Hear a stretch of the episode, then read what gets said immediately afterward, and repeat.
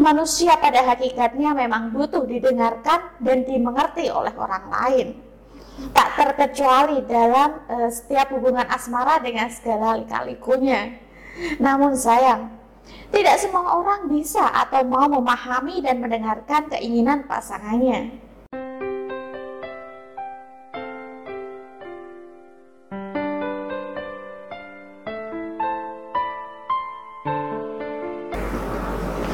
Assalamualaikum warahmatullahi wabarakatuh. Bosan dengar argumen seperti kamu nggak pernah ngertiin aku atau kapan sih kamu pernah dengerin omonganku? Dan ucapan tersebut e, terucap setiap kali bertengkar dengan pasangan. Manusia pada hakikatnya memang butuh didengarkan dan dimengerti oleh orang lain tak terkecuali dalam uh, setiap hubungan asmara dengan segala lika-likunya. Namun sayang, tidak semua orang bisa atau mau memahami dan mendengarkan keinginan pasangannya.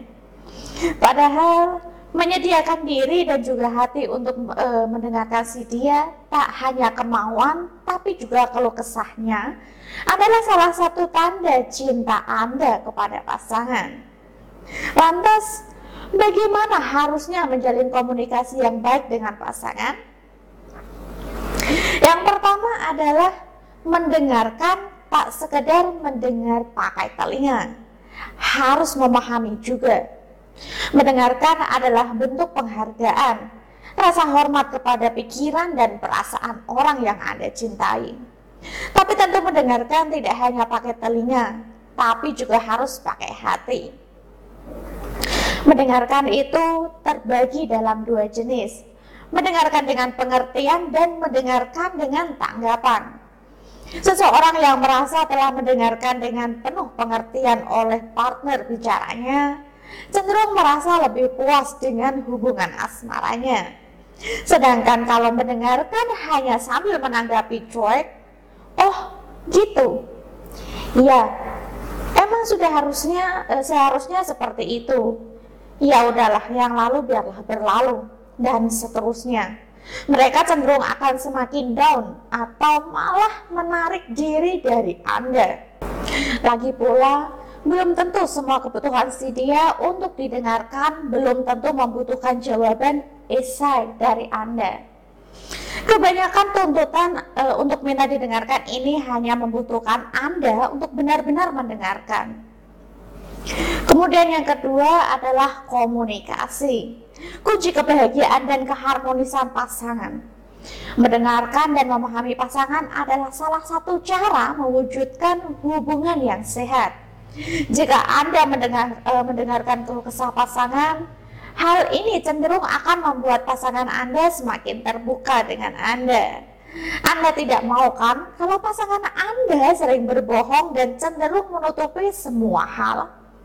Anda pun bisa mewujudkan hubungan yang luas, demokratif, dan harmonis dengan membuka jalur komunikasi dua arah. Dan yang paling penting, Anda bisa menjadi pilar kokoh untuk menampung cerita atau masalahnya. Ada baiknya Anda mengetahui dulu apa tujuan daripada mendengarkan pasangan. Tujuannya antara lain adalah memperoleh informasi memahami situasi seseorang, dan memberikan rasa lega bagi orang yang bercerita. Kemampuan dan keikhlasan Anda untuk mendengarkan pasangan adalah tanda Anda mau memahami pesan-pesan dan e, yang pasangan Anda lontarkan dalam curahannya. Bonusnya, Anda pun bisa memperbaiki hal-hal yang sebelumnya e, tidak benar dan keromatisan pun bisa terjalin dengan utuh. Kendati demikian, anda juga bisa menonjolkan sisi peduli dengan apa yang mereka katakan dan rasakan. Penting juga untuk diketahui, kalau Anda terbiasa men, e, mendengarkan orang dengan penuh simpati, maka kemungkinan pasangan Anda atau orang lain cenderung akan mendengarkan Anda juga. Dan kemudian yang selanjutnya adalah bagaimana caranya untuk mendengarkan dan memahami pasangan. Menjadi pendengar yang baik nyatanya tidak mudah. Anda membutuhkan latihan dan rasa sabar yang besar. Lagi pula, ketika Anda berusaha memahami pasangan, Anda butuh mengalihkan perhatian penuh pada pasangan.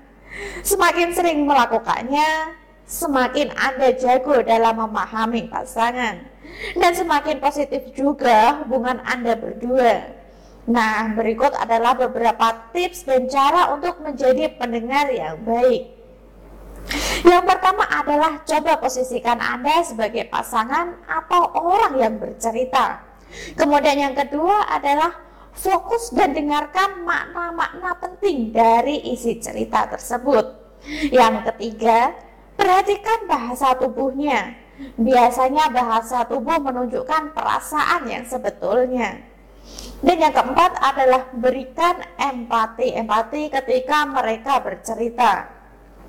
Yang kelima, jangan membuat penilaian langsung dan jangan mengalah ketika Anda menjadi masalah dari cerita yang pasangan Anda curahkan.